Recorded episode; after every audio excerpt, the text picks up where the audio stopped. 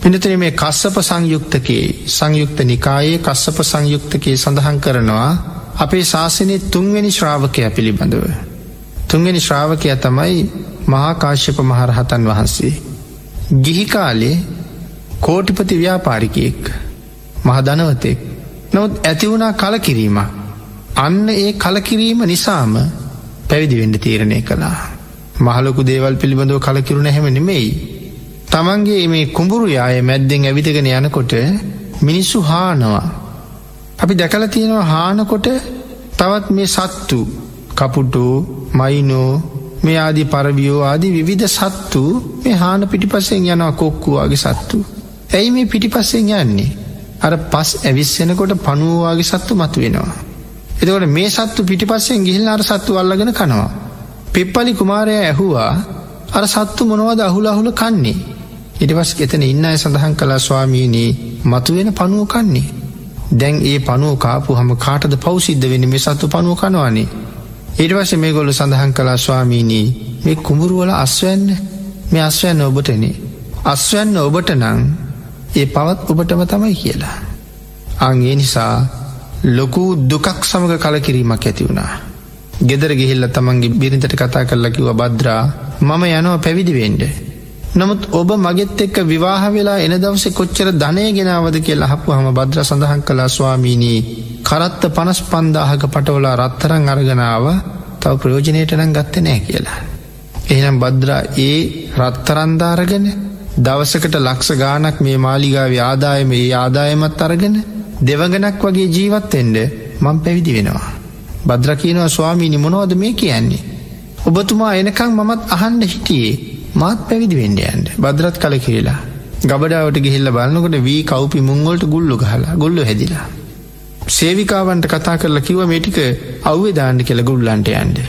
අනි පැත්තෙන් මාලිගාව ඇවිදගෙනෙනකොට අර කව්පි මුං පාල් වනාපු පැදුරුවල කුරුල්ලො පිරිල මොන මොනවදූ කනවා. ඇහෝ මොනවදර මොනවදර කුරුල්ලො කන්නේ අර තැංගොල.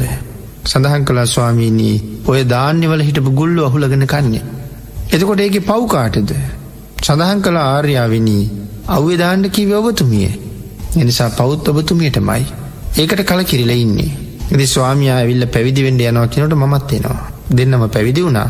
එදි මේ කතාව හරි ලස්සනයි දිගයි. මේ දෙන්න මගදී සමුගත්තා. දෙමං හන්දියකදී සදහටම සමුගත්තා. දෙන්න දෙපැත්තට වෙන්වෙනකොට මහපොලෝ වෙවුලුවා කියල සඳහන් වෙනවා. අවේලාවේ මහපොලෝ වෙවුලුවේ ඇයි කියලා හපු හම් භාග්‍යතුන් වහස සඳහන් කළා පිප්පලී බද්‍රයි සංසාරෙන් සදහට මද සමුගණ්ඩ දෙපැත්තට වෙංගුණා කියලා. ස්වාමීනි මේ ගැහැනියෙක් පිරිමියෙක් වෙංගුන් හම මහපොලො වෙවුලන්නේ ඇයි. සඳහන් කලා මේ දෙන්නා කල්ප ගානක් සංසාරයේ සැමියයි බිරිඳයි සැමියයි බිරිඳයි සැමියයි බිරිඳයි වෙවියෙන දෙන්නේ. හැබැයි සැමියයි බිරිඳයි වෙලා එනවා මහ පින් නිසා කවදාවත්ම මේ ගොල්ලන්ගේ පතිවෘතාව බිඳගෙන නෑ. කොහොම පතිවතක් රැකලද. සඳහන් කරනවා මේ බිරිඳ තමන්ගේ ස්වාමයා සමග එකතු වෙච්ච දවසේ ඉඳලා කවදාවත් අන්‍ය පුරුෂයෙක් පිළිබඳව හිතිංවත් හිතල සතුටුනේ නෑ. කායික ඇසුරක් තබා හිතිංවත් සතුටුනේ නෑ මේ ස්වාමියත් තමන්ගේ බිරිඳ හැර තවත් කාන්තාවක් දිහාබල්ල හිතිංවත් සතුටු නොවිච්ච තරං පුදුම බ්‍රහ්මචරියාවක් මෙගොල්ලු ආරක්ෂා කලා උතුම් සීලයක් මෙගොල්ලු ආරක්ෂා කලා බ්‍රහ්මචරියාවක් කියල සඳහන් කළේත පතිවෘතාවක් ආරක්ෂා කලා අන්න එහෙම සිල් රැකපු අය මෙහෙම වෙන්වෙන කොට එක විශ්වයට දරාගණඩ බෑ කියල සඳහන් කළ එනිසා මහපොළොවෙ උළුවා. එහෙම සඳහන් කරල බුදුරජාණන් වහන්සේ දන්නවා මේ සම්බුද්ධ ශාසනය තුන්ගෙන ශ්‍රාවකය ආදමං හොයාගෙනනවා. භාගිතුන් වහස ගහක් මුලට වැඩල වනන්තරේ ඒ ගහමුල වැඩ හිටියා පිප්පලි කුමාරයට තමන් වහන්සේ වැඩඉන්න තැන අඳුන ගණ්ඩුවන නිසා ආශ්චර්යමත් බුද්ධ රශ්මියක් විහිදෙව්ව කෙල සඳහන් කරනවා. අපේ ගෞතම සම්මා සම්බුදුරජාණන් වහන්සේ විහිදවන්ට යෙදන ආශ්චර්යවත්ම රශ්මි ධාරාවන්ගෙන් එකක් විය හැකි එදා විහිද වන්ඩ ඇත්තේ. අටකතාව පැහැදිලි කරනවා බුදුරැස් විහිදිච්ච හැටි. රත වගේ රතරෝධ වගේ කුටි වගේ විශාල කැට කැට තමයි බුදුරැස් විහිදිලා තියෙන්නේ රශ්මි පුංජයන් විහිදෙව්ව කියල සඳහන් කරන්නේ එකයි. ප්‍රතයක් වගේ වෙච්චහම අඩි හතරක් අඩි හයක් වගේ දිගයි පලලයි. කුටියක් වෙච්චහම අඩි දහයක් අඩි නමයක් අටක් ඒවාගේ දිගයි පලලයි. රතරෝධයක් වෙච්චහමත් අපි රතරෝධ දැකල තියෙනවා. මේ වගේ ලොකු ලොකු රශ්මි ධාරා කැට කැට විහිදෙන්නේ. ඒ රශ්මි විහිදිලා අහසට ගිහිල්ල එකට හැප්ප වෙනවා මේ බුදු ප්‍රස් කැට ෂඩ්වර්ණ රශ්මිය විහිදෙනවා මේ බෝල බෝල ගැටෙනවා. ගැටෙනකොට අර මල් වෙඩිල්ලක් පුපුරනවා වගේ ඉහිරෙනවා. ලොකුලොකු කෑලි ඉහිරෙනවා එව්වත් ආය ගැටෙනවා එව්වත් ඉහිරෙනවා එව්වත් ගැටෙනවා එව්වත් ඉහිරෙනවා මල් වරුසාවක් වගේ මුළු අහසම ෂඩ්වරුන් රශ්මියෙන් බැබලෙන්ට පටන්ගන්න මුළු වනාන්තරයට මෙලිය වැටිලා. මුළු අහසට මෙලිය වැටිලා. පිප්පලිකුමාරය ඈතින් දැකලා මේ එලිය විහිදවන්නේ මගේ ශාස්තෘන් වහන්සේ විය හැකි. වනන්තරයට ඇතුල් වෙලා බලහම ඈත නුගගහක් ළඟින් විහිදෙන බව පේනවා. සඳහන් කරනවා එතන ඉඳල නං මුව මඩල බැලුව නෑ කියලා. බිම් බලාගෙන නැමි නැමී නැමි නැමී ගිහිල්ලා වැඳගෙන වැටිල කියනවා ස්වාමීනී ඔබයි මගේ ශාස්තෘූ ස්වාමීනී ඔබයි මගේ ශාස්තෘූ. එම සඳහන් කරහම බුදුරජාණන් වහන්සේ උත්තරයක් දෙනවා කාශ්‍යපය මම තමයි ඔබේ ශාස්තෘූ. උත්තර දීල සඳහන් කරනවා කාශ්‍යපය ඔබ වෙනත් කෙනෙක් ළඟට ගිහිල්ල සඳහන් කලා නං ඔබ තමයි මගේ ශාස්තෘූ කියලා. ඒ අය උත්තර දුන්නනං ඔවු මම තමයි ශාස්තෘූ කියලා ඒ උත්තරේ නිමාවෙනවත් සමග මේ පුද්ගලයාගේ හිස කඳින් ගැලවිලා බිම වැටෙනවා කෙළ සඳහන් කරනවා තල්ගහකින් ගෙඩියක් ගැලවෙනවා වගේ.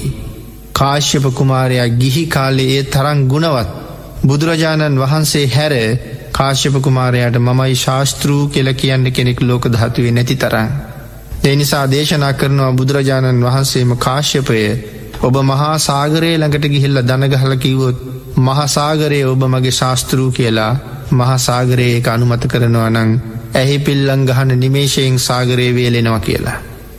මේ මහ පෘතුවයට දනගහල කාශ්‍යප කුමාරයා කිවොත් මහ පෘතුවිය ඔබ මගේ ශාස්තෘූ කියලා ඒ ගුණකඳ දරන්ඩ බැරුව මහපොලෝ වෙවුලනවා කියල සඳහන් වෙනවා. යොදුන් එක්ලක්ෂ හැට අටදාහක් උස මහාමේරු පරුවතරාජයාළඟට ගිහිල්ල කාශ්‍යප කුමාරයා කිවොත් මහමේරුව ඔබ මගේ ශාස්තෘූ කියලා සඳහන් කරනවා අතට ගත්ත දහයියා මිටක් අත ඇතෑරී හම නැවත ඉහිරෙනවා වගේ මිටමලෝලා තියෙන දහයිය මිට මහමේරු පරුවතරාජයත් ඉහිරෙන්ඩ පටන්ගන්නවා කාශ්‍යප කුමාරයාගේ ගුණේ දරන්න බැරුව කියලා. එවන් මහගුණයක් කාශ්‍යප කුමාරයා සතුයි බුදුරජාණන් වහන්සේ සඳහන් කරනවා කාශ්‍යපය ඔබවාගේ ගුණවතුන් කෝටියක් ප්‍රකෝටියක් මගෙළඟට ඇවිල්ල රැස්වෙලා කිවොත් ස්වාමීනී ඔබ අපේ ශාස්තෘූ කියලා බුදුරජාණන් වහන්සේ සඳහන් කරනවා කාශ්‍යපය දෙපාරක් හිතන්නැතු මං උත්තර දෙනවා ඔහු කාශ්‍යපය මම තමයි ඔබලාගේ ශාස්තෘූ කියලා. සඳහන් කරනවා කාශ්‍යපය මුලින් සඳහන් කළේ ඔබේ ගුණවල මේ පෘතුවයට සාගරයට මහමීරුවට ගුණේ දරන්න බැරි හැටි. ඔබ වගේ ගුණවතුන් ලක්ෂයක් කෝටියක් ප්‍රකෝටියක් මගෙළඟ සඳහන් කරහම මම ශාස්තෘූ කියලා කියනවා ඔබලාගේ ගුණයට මේ සම්මා සම්බුද්ධ ශරීරයේ එක රෝමකූපයක් හොළොවන්ඩ බෑ කියල දේශනා කරනවා. පාන්සුකූල චීවරයේ පෙන්න ලබාගිතුන් හස දේශනා කරනවා කාශ්‍යපය ඔබලාගේ ගුණයට මේ පාන්සුකුල චීවරයේ කොනවත් හොල්ලන්ඩ බෑ කියලා.